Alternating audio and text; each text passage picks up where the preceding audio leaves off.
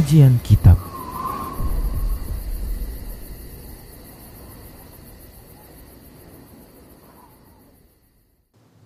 Bismillah, Assalamualaikum warahmatullahi wabarakatuh. Innal hamdalillah nahmaduhu wa nasta'inuhu wa nastaghfiruh wa na'udzu billahi min shururi anfusina wa min sayyiati a'malina. Man yahdihillah fala mudilla lah wa man yudlilhu fala hadiya wa ashhadu an la ilaha illallah wahdahu la syarika lah وأشهد أن محمدا عبده ورسوله صلى الله عليه وسلم. قال الله تبارك وتعالى يا أيها الذين آمنوا اتقوا الله حق تقاته ولا تموتن إلا وأنتم مسلمون.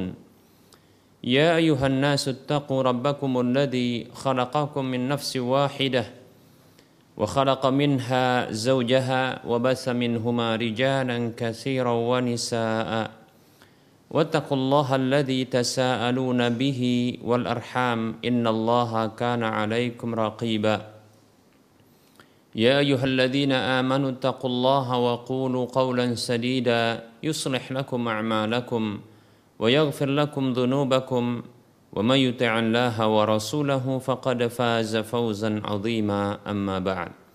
فإن أصدق الحديث كتاب الله وخير الهدى هدى رسول الله صلى الله عليه وسلم وشر الأمور محدثاتها وكل محدثة بدعة وكل بدعة ضلالة وكل ضلالة في النار. الحمد لله. Kita bersyukur kepada Allah Subhanahu wa taala zat yang senantiasa memberikan kebaikannya kepada kita para hamba. Selawat dan salam kita ucapkan untuk nabinya Nabi tercinta Nabi kita Muhammad sallallahu alaihi wasallam. Semoga Allah Subhanahu wa taala mewafatkan kita di atas ketaatan kepada rasulnya. Para pemirsa Rosyad TV dan para pendengar radio Medan Mengaji di mana saja anda, anda berada rahimani wa rahimakumullah. Kita lanjutkan pembahasan kitab Minhajul Muslim dalam bab akidah dan kita masih membahas tentang keimanan kepada kerasulan Nabi kita Muhammad sallallahu alaihi wasallam. Berikutnya kita akan sebutkan dalil dari hadis Nabi Shallallahu Alaihi Wasallam yang menunjukkan tentang wajibnya mengimani kerasulan Nabi kita Muhammad Shallallahu Alaihi Wasallam. Beliau mengkabarkan tentang diri beliau bahwa beliau adalah nabi dan penutup para nabi dan dengannya ditutup pintu kenabian dan Beliau mengkabarkan tentang wajibnya mentaati beliau serta ajaran beliau berlaku bagi seluruh hamba-hamba mukallaf. Seperti contohnya dalam satu hadis yang diriwayatkan oleh Imam Bukhari, Imam Muslim, Rasulullah bersabda sallallahu alaihi wasallam, "Ana nabiyyu la kadiba ana ibnu Abdul Muttalib." Aku adalah seorang nabi, tidak ada kedustaan padanya. Aku adalah putra anak keturunan dari Abdul Muthalib. Ungkapan beliau ini sallallahu alaihi wasallam menunjukkan bahwa beliau adalah seorang laki-laki yang diutus oleh Allah Subhanahu wa taala dan diberi wahyu berstatus sebagai seorang nabi. Kemudian hadis yang lain Rasulullah SAW bersabda, hadis yang dikeluarkan oleh Imam Ahmad dan Ibnu Hibban beliau mengatakan ini Abdullahi wa khatamun nabiyyin. Sesungguhnya aku adalah hamba Allah dan sekaligus penutup para nabi. Demikian lewat hadis ini Rasulullah SAW mengkabarkan kepada umatnya bahwa beliau adalah manusia biasa salah satu dari hamba-hamba Allah Subhanahu wa taala yang memiliki sifat-sifat kemanusiaan sifat-sifat hamba dan bukanlah seorang yang memiliki sifat ketuhanan. Namun beliau adalah nabi bahkan penutup para nabi. Kemudian Rasulullah Shallallahu Alaihi Wasallam beliau bersabda dalam sebuah hadis yang diriwayatkan oleh Imam Muslim juga Imam Bukhari. Rasulullah bersabda Shallallahu Alaihi Wasallam, "Masali wa masalul anbiya'i min qabli kamasali rajulin bana baitan fa ahsanahu wa jammalahu illa mawdi'a labinatin wahidatin faja'ala an-nasu yatufuna bihi wa ya'jabuna lahu wa yaquluna halla wudi'at al-labinatu wa ana khatamun nabiyyina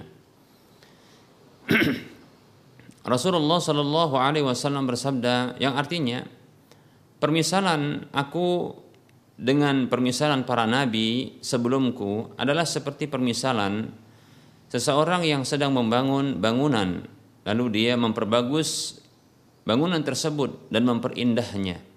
Kecuali satu batu bata kecuali satu tempat untuk batu, batu bata. Yang itu masih kosong. Lalu orang-orang pun mulai mulai berkeliling ya. Mengelilingi bangunan tersebut dan mereka merasakan takjub terhadap bangunan itu. Sembari mereka mengatakan tidakkah diletakkan satu batu bata ini pada tempatnya? Maka akulah batu bata tersebut dan aku adalah penutup para nabi Hadis ini hadis yang dikeluarkan oleh Imam Bukhari dan Imam Muslim. Lewat hadis ini Nabi kita Muhammad Shallallahu Alaihi Wasallam menyebutkan tentang permisalan antara diri beliau dengan para nabi yang itu layaknya satu bangunan yang begitu indah, begitu menakjubkan. Namun ada satu tempat yang kosong tidak diletakkan satu batu bata di sana sehingga ini mengurangi keindahan bangunan tersebut. Dan ternyata batu bata yang untuk menyempurnakan bangunan tersebut dialah Rasulullah Shallallahu Alaihi Wasallam. Dengan batu bata yang masih kosong tersebut, maka dengan diisi pada bangunan itu, maka sempurnalah bangunan itu dan beliau adalah batu bata yang terakhir tersebut. Dengan batu bata menjadi sempurnalah ya dengan batu bata tersebut semakin sempurna sempurnalah ya bangunan tersebut. Demikian pula Nabi Wasallam yang menjadi penutup para nabi dengan ditutup diutusnya beliau maka ditutuplah pintu kenabian sehingga menjadi sempurnalah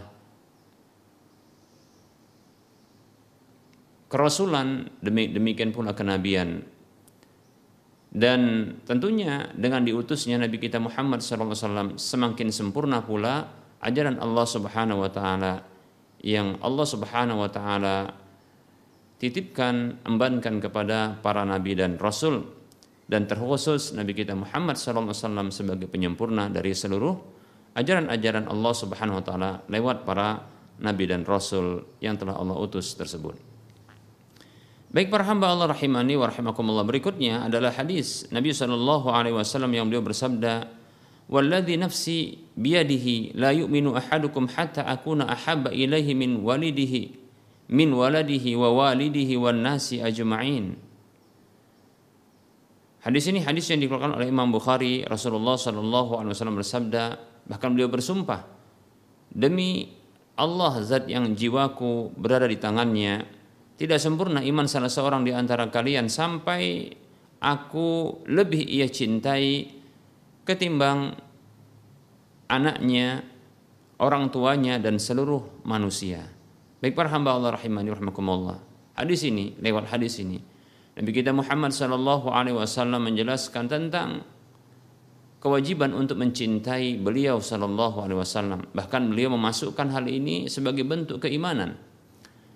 Tak akan sempurna iman seorang hamba sampai menjadikan Rasulullah wasallam sebagai hamba atau sebagai sesuatu yang paling dicintai melebihi kecintaan kepada keluarga, anak, orang tua dan istri, demikian pula seluruh manusia. Demikian. Para hamba Allah rahimani wa rahimakumullah. Berikutnya adalah hadis Nabi Shallallahu Alaihi Wasallam yang dikeluarkan oleh Imam Bukhari dan Muslim Rasulullah Shallallahu Alaihi Wasallam bersabda, "Kullu ummati yadkhulun al jannata illa man aba." Setiap umatku kata Nabi Shallallahu Alaihi Wasallam itu masuk surga kecuali orang yang enggan. Maka dikatakan kepada Nabi Shallallahu Alaihi Wasallam, Waman ya'ba ya Rasulullah, waman ya'ba ya Rasulullah. Siapakah yang enggan itu wahai Rasulullah? Maka Rasul mengatakan, Man atu'ani dakhal jannah wa man asani faqad aba. Siapa saja yang mentaatiku maka dia masuk surga dan siapa saja yang mendurhakaiku, tidak mentaatiku, bermaksiat kepadaku, maka dialah orang sungguh dia orang yang enggan. Demikian. Hadis riwayat Bukhari dan Muslim. Baik para hamba Allah rahimani wa rahimakumullah.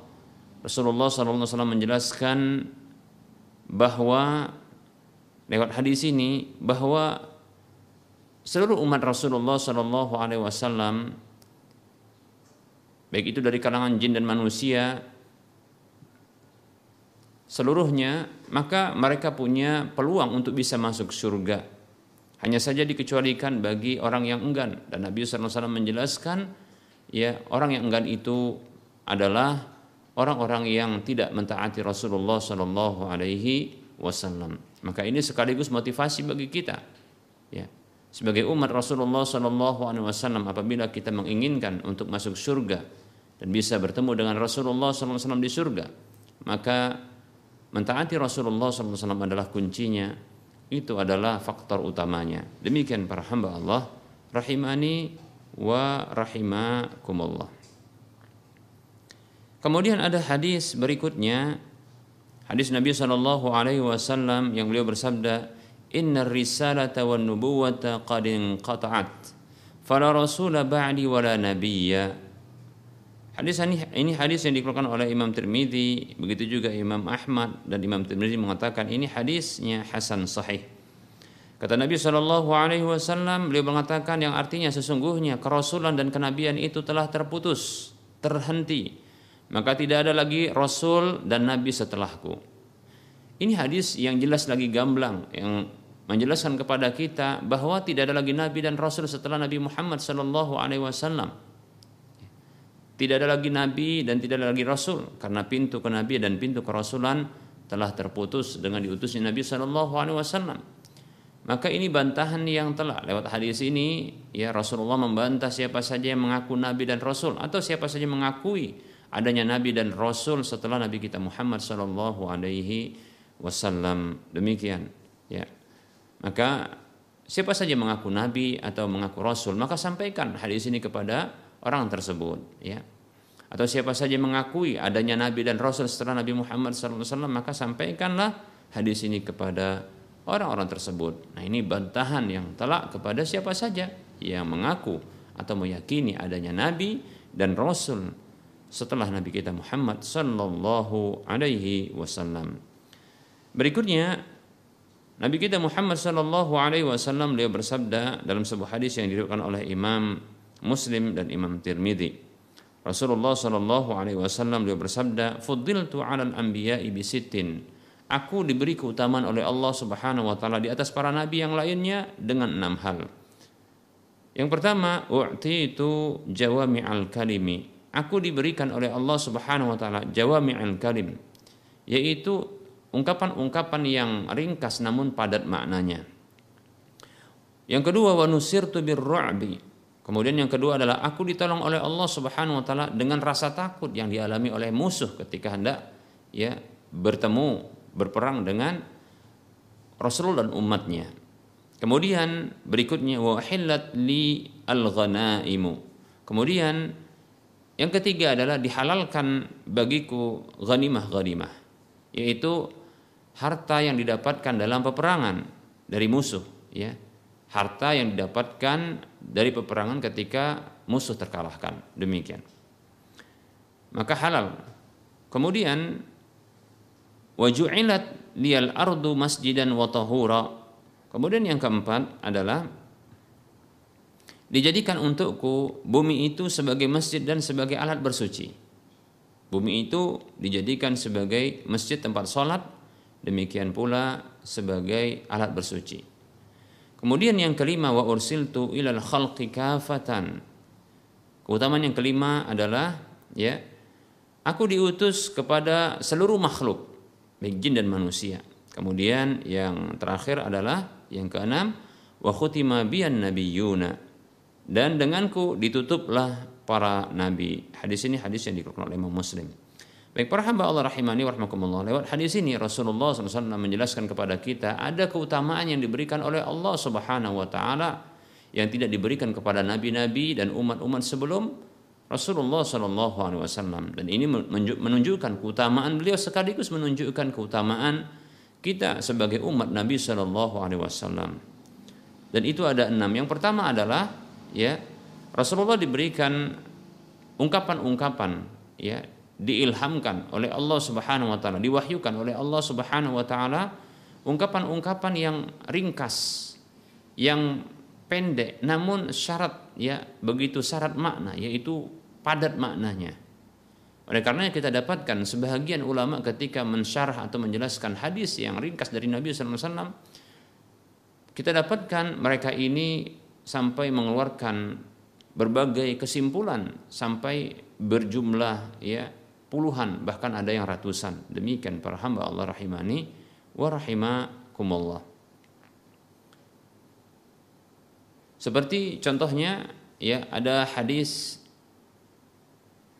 yang sangat ringkas yang Nabi Wasallam ketika mendapati anak kecil yang sedang menangis maka Rasul menghampirinya lalu mengatakan ya Aba Umair mada fa'alan nughair Wahai Abu Umair, ya.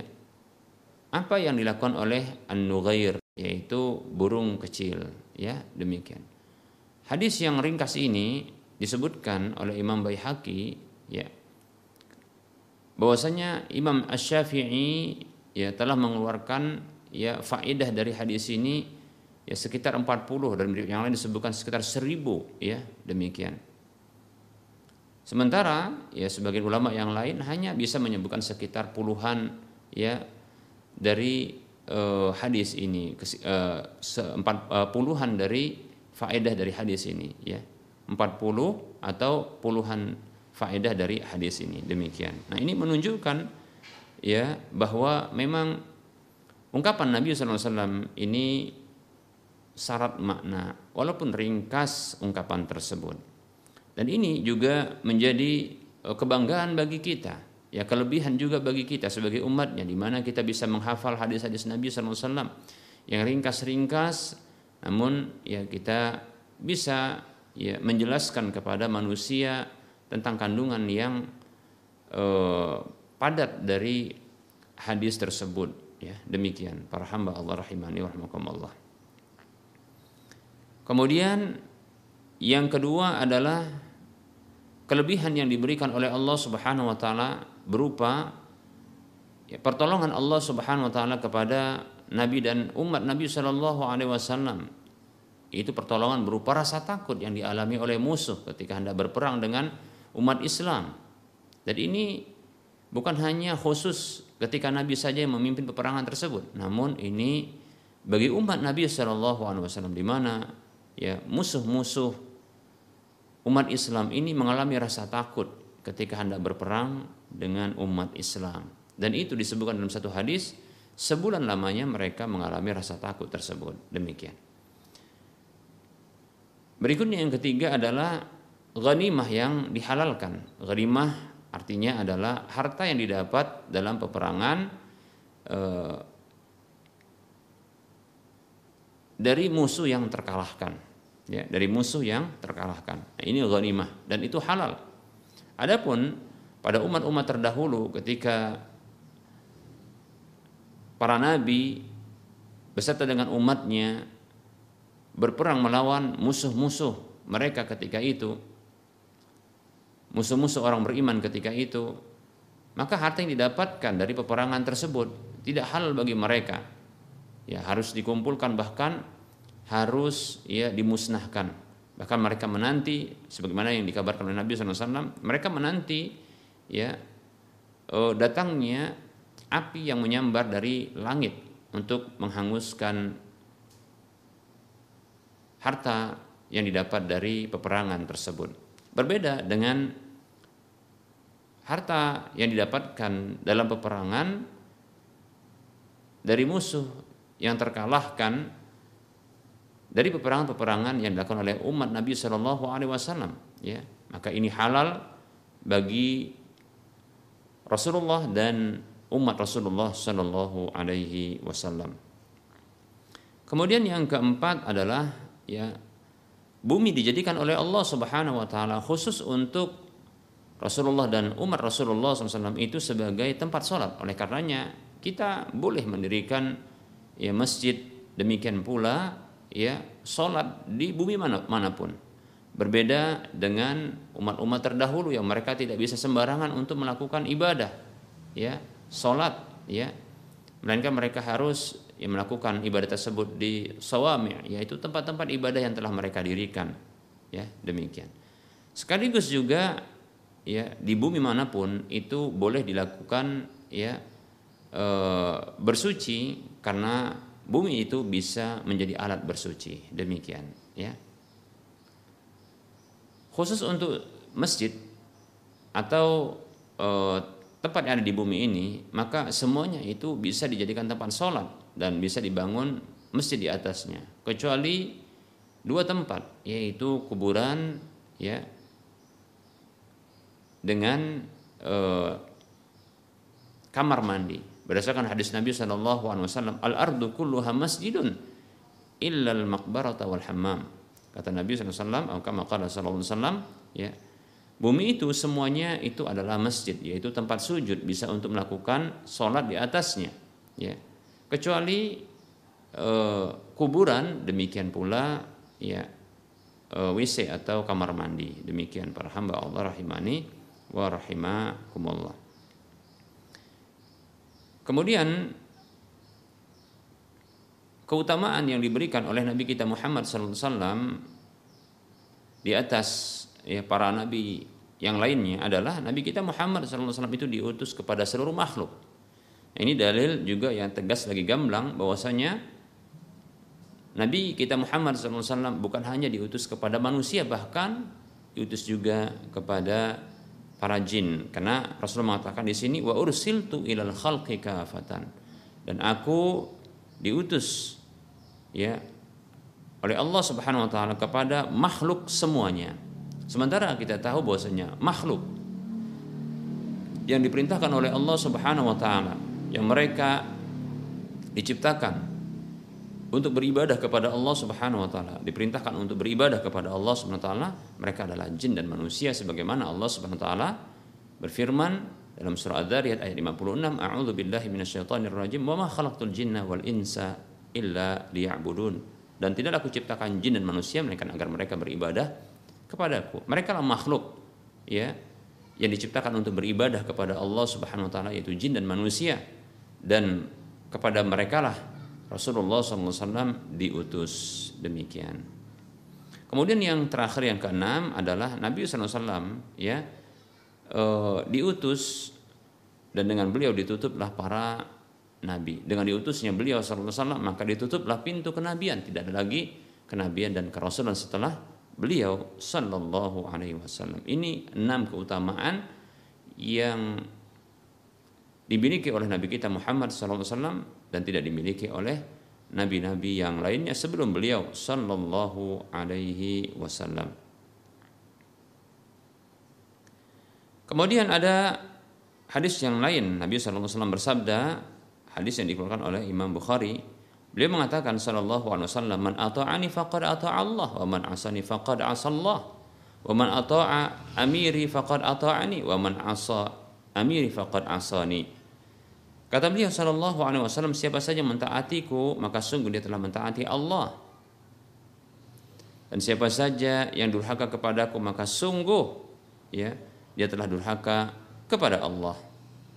Dan siapa saja mentaati pemimpinku maka sungguh dia telah mentaatiku dan siapa saja mendurhakai pemimpinku maka sungguh dia telah mendurhakaiku. Demikian. Ya, ini hadis yang jelas lagi gamblang bahwasanya ketaatan kepada Rasulullah SAW merupakan ketaatan kepada Allah Subhanahu wa taala. Sebagaimana dalam ayat Allah mengatakan Man mayyuti'ir rasul faqad ata Allah siapa saja yang taat kepada Rasul maka sungguh dia telah taat kepada Allah Subhanahu wa taala. Sebaliknya, kedurhakan kepada Rasulullah merupakan kedurhakan kepada Allah Subhanahu wa taala. Tentu logisnya adalah dikarenakan beliau adalah utusan Allah Subhanahu wa taala. Yang Allah Subhanahu wa taala membawa ya yang Rasulullah SAW memberikan pesan-pesan lewat utusannya tersebut. Ya, pesan-pesan ini tentunya ya ini harus wajib untuk dipenuhi atau di di e, disambut begitu juga dilaksanakan demikian.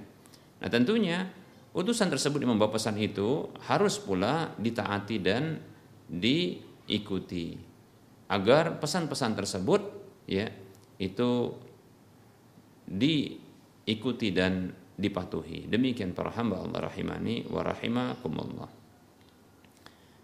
Ini adalah satu yang logis sesuai dengan logika manusia, ya.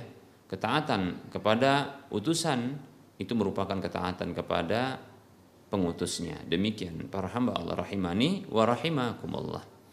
Kemudian ada hadis yang lain ya Rasulullah bersabda sallallahu alaihi wasallam dia bersabda innal jannata hurrimat 'alal anbiya'i kullihim hatta adkhulaha wa hurrimat 'alal umami hatta tadkhulaha ummati. Hadis ini hadis yang dikeluarkan oleh Imam Ad-Darqutni dengan uh, derajat yang hasan beserta dengan jalur-jalur yang lainnya. Rasulullah bersabda yang maknanya adalah sesungguhnya surga itu diharamkan atas para nabi seluruhnya sampai aku memasuki surga tersebut. Dan diharamkan surga itu atas umat-umat yang lain sampai umatku memasukinya. Demikian. Masya Allah ini keutamaan ya.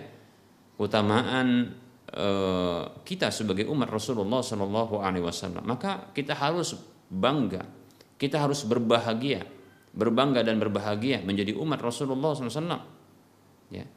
Dan kebanggaan serta kebahagiaan ini mestilah diiringi dengan rasa syukur kita ya kepada Allah Subhanahu wa taala dengan cara mentaati Allah dan mentaati Rasulnya mengikuti petunjuk Allah dan petunjuk Rasulnya demikian para hamba Allah rahimani wa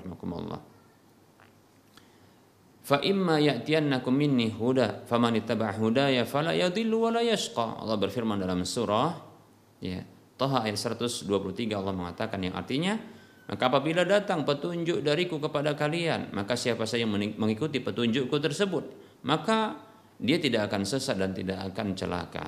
Ibnu Abbas radhiyallahu anhu mengatakan fala yadhillu fid dunya wa la yashqa fil akhirah. Maka dia tidak akan sesat di dunia dan tidak akan celaka di akhirat tidak akan sesat di dunia, maka dia akan mendapatkan petunjuk di dunia dan tidak akan celaka di akhirat, maka dia akan masuk ke dalam surga, tidak masuk ke dalam neraka.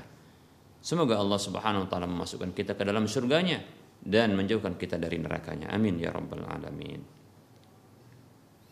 Kemudian ada sabda Nabi SAW yang lainnya Rasulullah bersabda dalam sebuah hadis yang diriwayatkan oleh Imam Tirmidzi dan Ibnu Majah serta Imam Ahmad dalam musnadnya.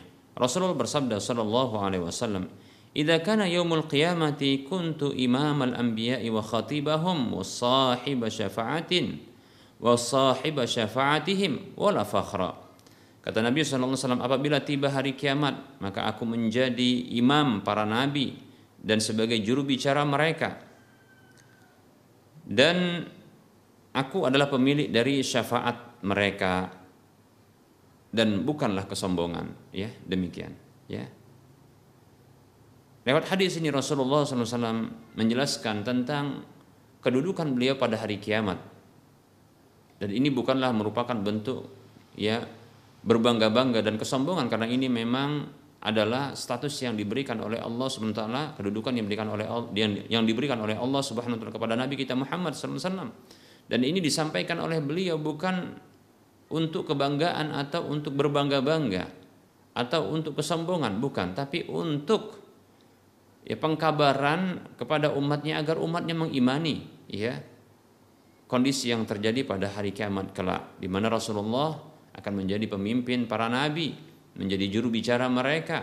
Demikian pula pemilik syafaat mereka. Demikian para hamba Allah rahimani wa dalam hadis yang lain dan kita tutup ya penjelasan tentang uh, hadis-hadis dari Nabi SAW yang menjelaskan uh, tentang keimanan kepada kerasulan Nabi kita Muhammad sallallahu alaihi wasallam dengan hadis yang berikut ini Rasulullah bersabda sallallahu alaihi wasallam ana sayyidu waladi Adam yaumal qiyamati wa awwalu man yanshaqqu anhu al-qabru yaumal qiyamati wa awalu syafi'in wa awalu musyaffa'in.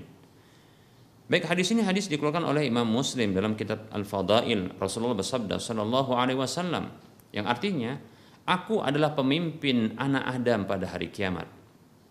Dan aku adalah orang yang pertama yang terbelah kuburan itu ya pada hari kiamat. Maksudnya adalah ya terbuka kuburan itu lalu beliau keluar darinya. Demikian. Pada hari kiamat. Dan aku adalah orang yang pertama memberikan syafaat. Dan aku adalah orang yang pertama diizinkan untuk memberikan syafaat. Demikian. Semoga Allah Subhanahu wa taala menjadikan kita sebagai hamba-hamba sekaligus umat Rasulullah SAW yang mendapatkan syafaat dari Rasulullah SAW pada hari kiamat syafaat untuk bisa masuk surga tanpa hisab dan tanpa adab. Ya. Syafaat Rasulullah SAW untuk diampuni dosa-dosa kita sehingga kita tidak masuk ke dalam neraka. Demikian. Baik para hamba Allah rahimani rahimakumullah. Nah, ini barangkali uh, materi yang bisa kita sampaikan pada pertemuan kali ini dan insya Allah taala kita akan lanjutkan pada waktu mendatang.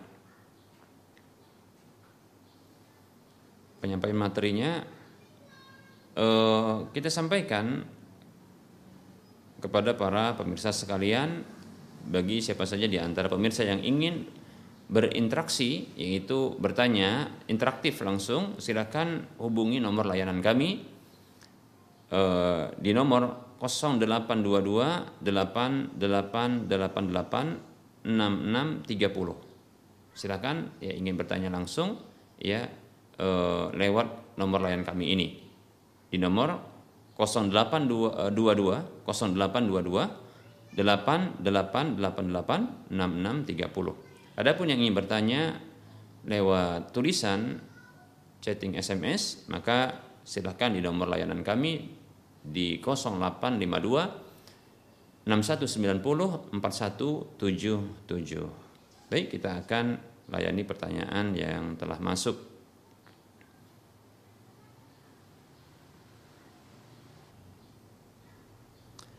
Ada pertanyaan, Bismillah, Assalamualaikum warahmatullahi wabarakatuh. Semoga Allah menjaga Ustadz dan keluarga senantiasa dan selalu. Ustadz ada pertanyaan, apa hukum menabung uang selama setahun tapi nanti diambil berupa sembako? Mohon penjelasannya Ustadz. Jazakallahu khairan.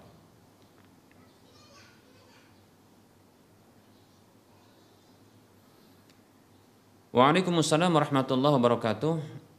Semoga Allah Subhanahu wa taala juga menjaga dan melindungi sang penanya beserta keluarganya di mana saja mereka berada. Baik ya. Hukum menabung uang selama setahun yang nantinya adalah diambil berupa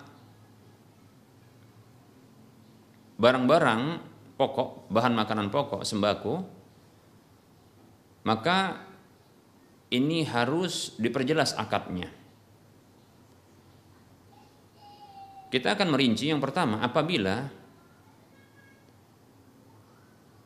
tabungan uang yang disetorkan tersebut itu merupakan ya pembayaran atas barang yang telah disebutkan yang telah dirinci di awal akad tersebut berarti di awal tahun ya itu disebutkan barang-barang yang akan diambil kelak. Disebutkan. Kemudian pembayaran uang ya dengan cara cicil dalam setahun ini di akhir tahun nanti baru diambil ya barangnya. Apabila ini merupakan ya eh, tabungan ini merupakan sesuatu yang mengikat artinya tidak boleh dibatalkan ya tidak boleh dibatalkan tabungan tersebut. Contoh dibatalkan maksudnya adalah e, peserta yang ikut menabung seperti ini ini tidak boleh untuk mundur dari keikutsertaan. Maka yang seperti ini merupakan bentuk jual beli yang sudah mengikat di awal. walaupun dengan bahasa menabung ya. Maka jual beli seperti ini jual beli yang terlarang karena ini termasuk jual beli kali bil kali atau adain bidain bai'ud dain bidain bai'ul kali eh, bai'ul kali bil kali. Yaitu jual beli hutang dengan hutang. Yaitu terhutang barang dan terhutang uang. Barangnya diserahkan di akhir tahun atau ya kita katakan setelah setahun kemudian uangnya tidak kontan juga terhutang dengan cara cicil sampai setahun. Demikian. Nah, ini terlarang yang seperti ini. Jika demikian Ya. Rincian yang kedua adalah apabila ya akad di awal ini adalah akad menabung. Dan tentunya menabung ya uang yang ditabung itu boleh di diambil. Nah, ini menunjukkan bahwasanya ini bukan jual beli karena ini tidak mengikat demikian ya. Ini boleh diambil, boleh dikurangi ya. Bahkan boleh juga tidak jadi. Kalau seandainya nantinya harus e, dibebankan untuk membayar biaya administrasi dikarenakan e, petugas yang mengumpulkan uang tersebut, ini tentunya harus diberikan apresiasi, ya, kompensasi atas tugasnya, maka ini diberikan apabila tidak jadi, ya, maka ini bukan merupakan bentuk apa namanya bentuk e, batal atas jual beli. Namun ini merupakan e, bentuk ya kebolehan untuk mengambil uang yang ditabung tentunya. Dan itu betul-betul ya adalah tabungan. Yang tentunya bagi pemilik uang tersebut itu boleh untuk mengambil kapan saja. Demikian. Apabila e, dibebankan biaya administrasi maka tidak masalah ya. Demikian. Lalu ya ketika barang-barang yang dirinci yaitu bahan-bahan sembako ya ini disebutkan di awal ini hanya sebagai bentuk penawaran ya. Ini hanyalah sebagai bentuk penawaran.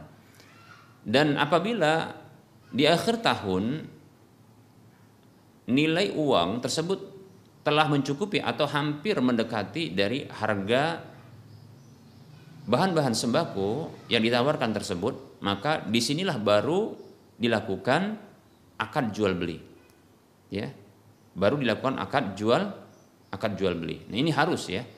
Akad jual beli tersebut eh, akad jual beli tersebut harus dilakukan ya ketika uang telah sampai atau mendekati waktu atau mendekati eh, nilai dari harga barang tersebut. Harga e, sembako tersebut. Ya. Maka kebolehan, jadi hukum rincian yang kedua ini adalah boleh, ya. Apabila tidak tadi kita katakan adalah ketika uang tersebut telah mendekati atau telah sempurna mendekati e, nilai harga barang atau bahan sembako tersebut. Baru ketika itu ya langsung diberikan pemotongan terhadap barang dan itu disepakati oleh masing-masing pihak dan atas dasar kerelaan tentunya. Nah, baru setelah itu diambil e, barangnya. Maka hal seperti ini dibolehkan. Ya. Tetap tidak dibolehkan apabila ternyata ketika nilai barang tersebut belum sempurna terjadi jual beli dan barang tersebut pun tertunda untuk diserah terimakan. Maka ini tetap saja termasuk jual beli kali bil kali.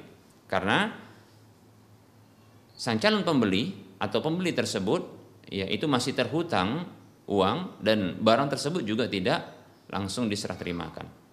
Maka dibolehkan apabila apabila nilai uang yang ditabung tersebut telah sama dengan jumlah harga barang ya kemudian diberitahu oleh e, pihak pengumpul uang tersebut kepada pemilik uang bahwasanya uang telah sampai ya sesuai dengan nilai harga barang.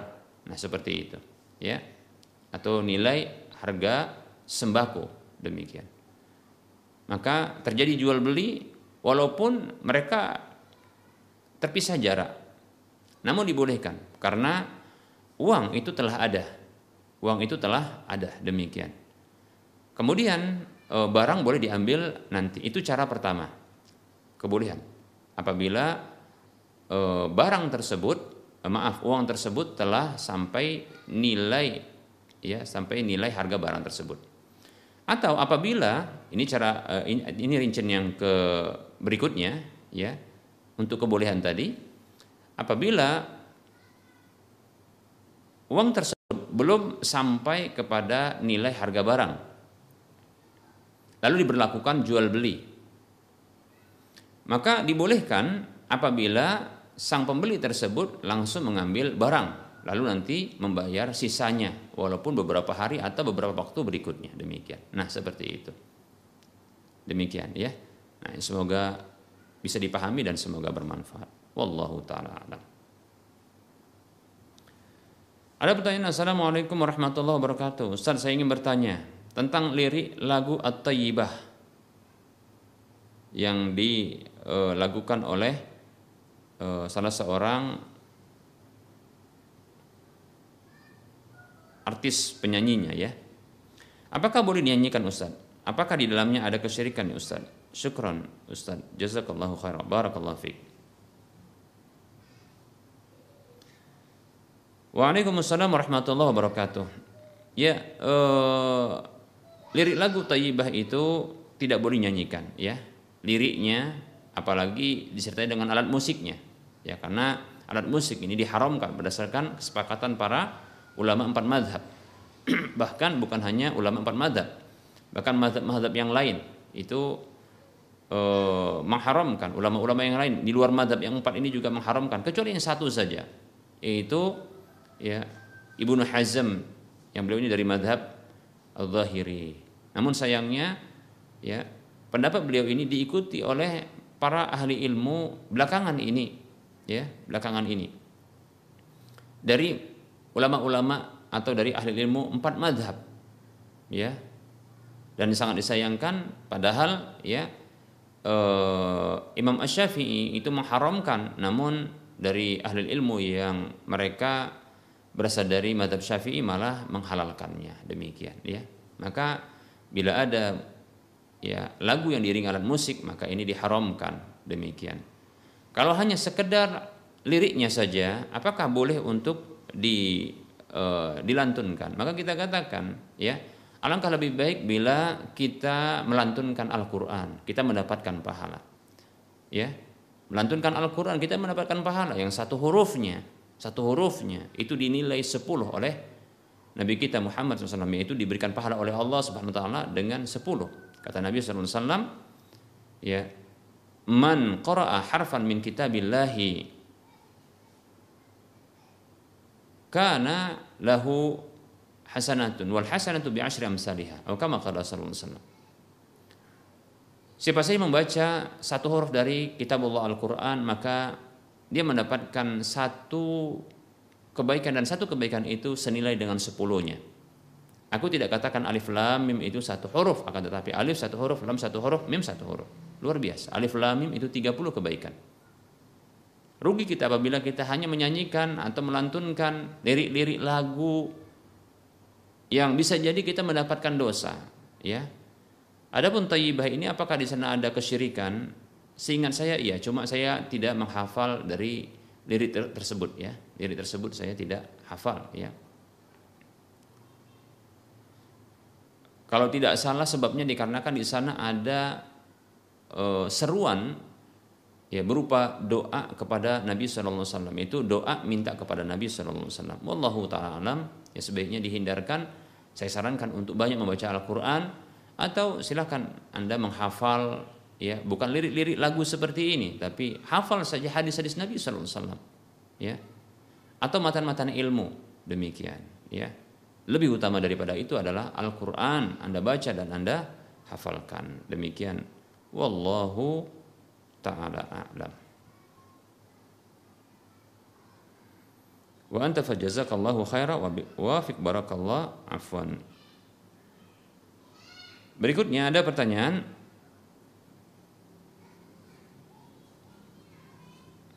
Assalamualaikum Ustaz, seorang yang orientasi seksualnya menyimpang, bisakah dirukyah? Waalaikumsalam warahmatullahi wabarakatuh. Seseorang yang memiliki penyimpangan seksual sesungguhnya penyimpangan tersebut itu datang belakangan. Sesungguhnya fitrah manusia adalah bersih dan suci. Ya. Fitrah manusia itu bersih dan suci, ya maka apabila dia seorang laki-laki, maka dia adalah condong laki-laki. Apabila dia seorang wanita, maka dia adalah condong wanita. Demikian. Itu asalnya. Adapun berikutnya penyimpangan itu terjadi setelah ya eh, adanya faktor-faktor luar yang mendominasi dirinya sehingga dia pun ya mengikutinya demikian. Kata Nabi Wasallam, "Kullu mauludin yuladu alal fitrah, fa abawahu yuhawidanihi au yunasiranihi au yumajisanihi." Setiap bayi itu terlahir di atas fitrahnya. Maka kedua orang tuanya yang menjadikannya Yahudi, Nasrani dan Majusi. Demikian. Dalam hadis yang lain Rasulullah SAW bersabda, Allah berfirman, "Inni khalaqtu ibadi hunafa'a." Sesungguhnya aku menciptakan hamba-hambaku itu dalam keadaan lurus. Hanif lurus, ya. Fa'atat humus syayatin lalu datang setan-setan itu kepada mereka fajatadathum lalu menyimpangkan mereka. Lihat. Jadi syaitan baik itu jin maupun manusia yang datang kepada mereka lalu ya membujuk mereka, merayu mereka, ya membisiki mereka, menggoda mereka, akhirnya mereka yang ikut kepada setan tersebut atas dasar pilihan mereka. Nah, itu setan ya, demikian. Baik itu manusia ataupun jin demikian. Apakah bisa dirukyah?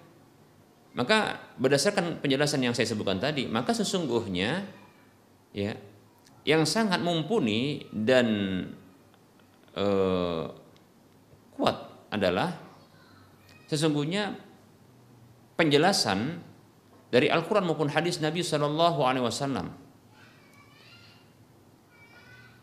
yang ini menjadi terapi bagi dirinya ya agar dia kembali kepada fitrahnya. Ini yang pertama ya atau bisa juga diiringi dengan yang kedua adalah rukyah artinya bisa dengan rukyah rukyah maksudnya adalah untuk e, menjauhkan setan jin yang ada pada dirinya yang menguasainya yang selalu mengajaknya dan memperindah dalam benaknya dan pandangannya tentang hubungan sejenis. Ya hubungan sejenis maka ya kita katakan bisa untuk e, melakukan terapi dari dua sisi sekaligus ini ya. Yang pertama adalah dengan terapi rukyah ya. Itu fungsinya untuk mengusir dan ya melemahkan pengaruh jin syaitonnya ya jin syaitonnya kemudian adalah berikutnya melakukan ya penjelasan-penjelasan pencerahan-pencerahan bagi dirinya ya untuk mengembalikan dia kepada fitrah asalnya bila dia laki-laki maka kembali kepada sifat kelaki-lakiannya Begitu juga kalau dia perempuan maka sifat e, kembali kepada sifat asal wanitanya. Demikian seperti itu. Dan tentunya diiringi dengan apa? Dengan e, motivasi-motivasi ya. Tarhib, begitu juga tarhib yaitu ancaman-ancaman dari Allah Subhanahu wa taala. Agar dia takut kepada Allah Subhanahu wa taala. Dan tidak kembali kepada hal tersebut. Demikian. Karena dia menjadi seperti itu bukanlah karena qadari tapi atas dasar ikhtiari yaitu e, pilihan dia sendiri. Demikian ya. Yang sesungguhnya dia juga bisa memilih untuk bisa kembali kepada ya kembali kembali kepada fitrahnya ya asalnya. Tapi tentunya dengan hidayah dari Allah Subhanahu wa taala bimbingan darinya tentunya demikian ya semoga Allah Subhanahu wa taala menjaga kita dari semua bentuk penyimpangan amin ya rabbal alamin Ada pertanyaan, Assalamualaikum Ustaz, saya kadang bikin kue untuk dibagikan ke jemaah sholat Jumat sebuah masjid. Kalau dibungkus kue, maka saya lampirkan kertas yang bertuliskan order silahkan order hubungi nomor HP sekian. Hukumnya bagaimana itu Ustaz? Syukron. Ustaz jazakumullahu khairan.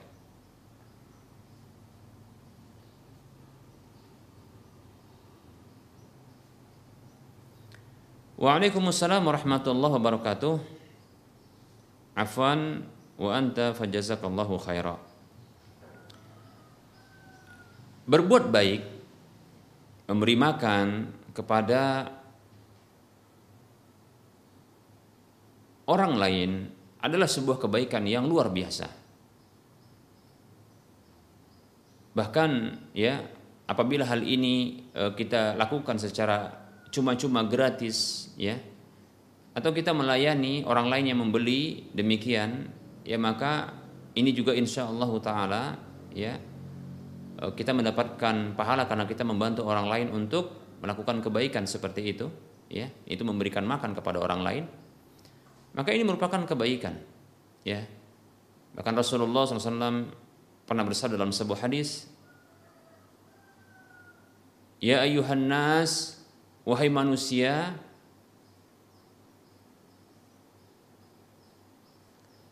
afsus salam, sebarkanlah salam, wa at'imut ta'am, berilah makanan,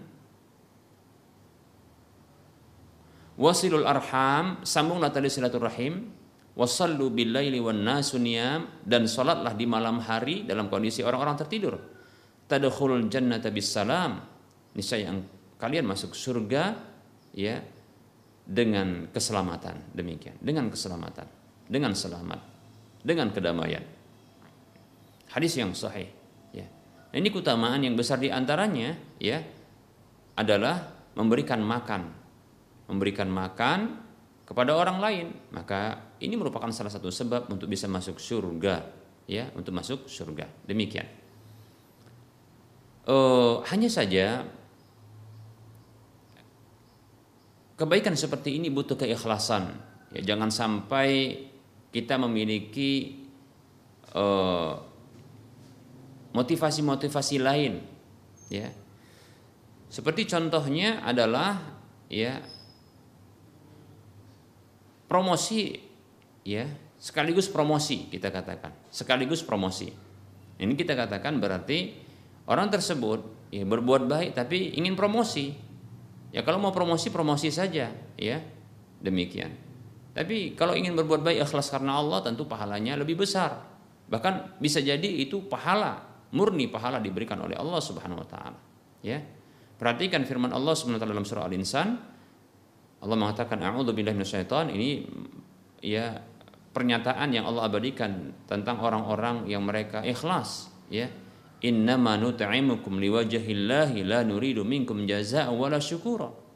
Sesungguhnya kami memberikan makan kepada kalian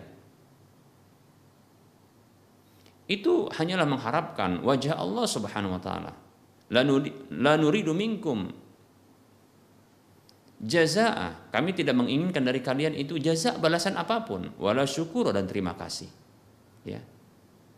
Balasan apa pun, mau dikasih atau seperti tadi ingin dibeli ingin di, ingin di apa dipesan di order eh, makanannya ya ini kita katakan tidak perlu seseorang seperti itu ketika anda berbuat kebaikan ya silakan anda barangkali bila ingin eh, apa namanya ingin promosi maka silakan promosi ketika anda dalam kondisi tidak Eh, memberikan kebaikan secara cuma-cuma seperti ini. Contoh ketika ada orang yang membeli dari Anda ya, ingin dikonsumsi sendiri, ya, maka silahkan ya Anda cantumkan nomor ya orderan tersebut. Nomor pesanan itu. Silakan hubungi nomor ini. Nah, seperti itu.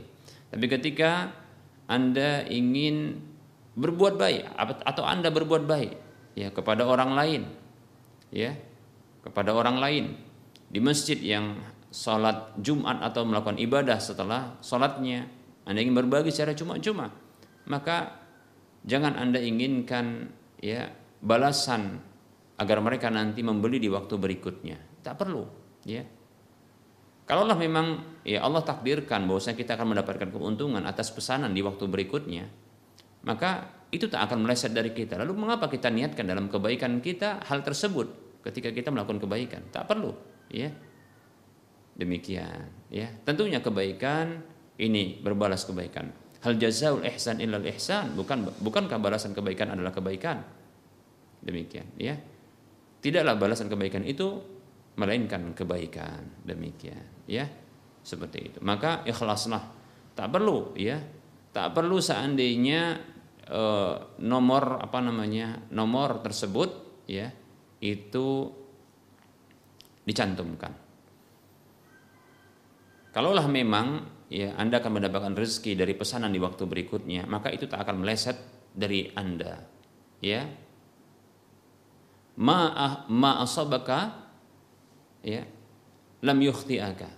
Apa yang menimpa Anda atau apa yang menghampiri Anda maka tidak akan meleset dari Anda. Begitu kata Nabi Shallallahu alaihi wasallam. Demikian ya. Semoga Allah SWT menjadikan kita sebagai hamba-hambanya yang ikhlas mengharapkan wajah Allah dalam setiap amal kita dan sesuai dengan petunjuk Rasulullah SAW. Amin ya Rabbal Alamin. Ada pertanyaan Assalamualaikum Ustaz bolehkah memberikan uang pada anak tiri yang diniatkan sedekah tanpa pengetahuan suami terima kasih Waalaikumsalam warahmatullahi wabarakatuh memberikan uang ya dari seorang e, istri yang diberikan kepada orang lain ya maka ini haruslah meminta izin kepada suami. Ya. Ini adab. Ini hak seorang suami, adab kepada suami, ya. Seorang istri apabila ingin membelanjakan hartanya, bahkan harta pribadinya, lebih-lebih harta suaminya, maka itu harus izin dari suaminya. Rasulullah bersabda, "Laisa lil mar'ati an tantahika malaha illa biidni zaujiha." Tidak boleh bagi seorang wanita membelanjakan hartanya kecuali dengan izin suaminya. Demikian ya. Wallahu taala alam. E, demikian pembahasan kajian yang bisa kita sampaikan pada pertemuan kali ini. Mohon maaf apabila ada kesalahan dan kekurangan. Kebenaran itu datang dari Allah maka ambillah. Kesalahan dan kekurangan, kekeliruan itu datang dari saya pribadi dan bisikan syaitan kepada Allah saya mohon ampun dan kepada para pemirsa sekalian saya mohon maaf. Dan sebelum berakhir seperti biasa kita motivasi Anda semua para pemirsa dan para pendengar sekalian untuk berdonasi mengarahkan sebagian rezeki kita yang Allah titipkan kepada kita untuk berdonasi yang membebaskan lahan yang nantinya akan dibangun di atasnya Masjid Al Muwahhidin untuk wilayah Medan dan sekitarnya. Silahkan arahkan harta Anda ke Bank Syariah Mandiri atau ke atau ke Bank Syariah Indonesia di nomor 7127 485 555. Saya ulangi ke Bank Syariah Mandiri atau Bank Syariah Indonesia di nomor 7127 485 555 atas nama Yayasan Lajnah Dakwah Medan kode bank 451 Anda bisa membaca di layar kaca Anda ya nomor rekening tersebut. Semoga Anda termotivasi dan semoga bermanfaat. Wassalamualaikum warahmatullahi wabarakatuh. Subhanakallahumma wa bihamdika asyhadu an la ilaha illa anta astaghfiruka wa atubu ilaika walhamdulillahi rabbil alamin. Wassalamualaikum warahmatullahi wabarakatuh.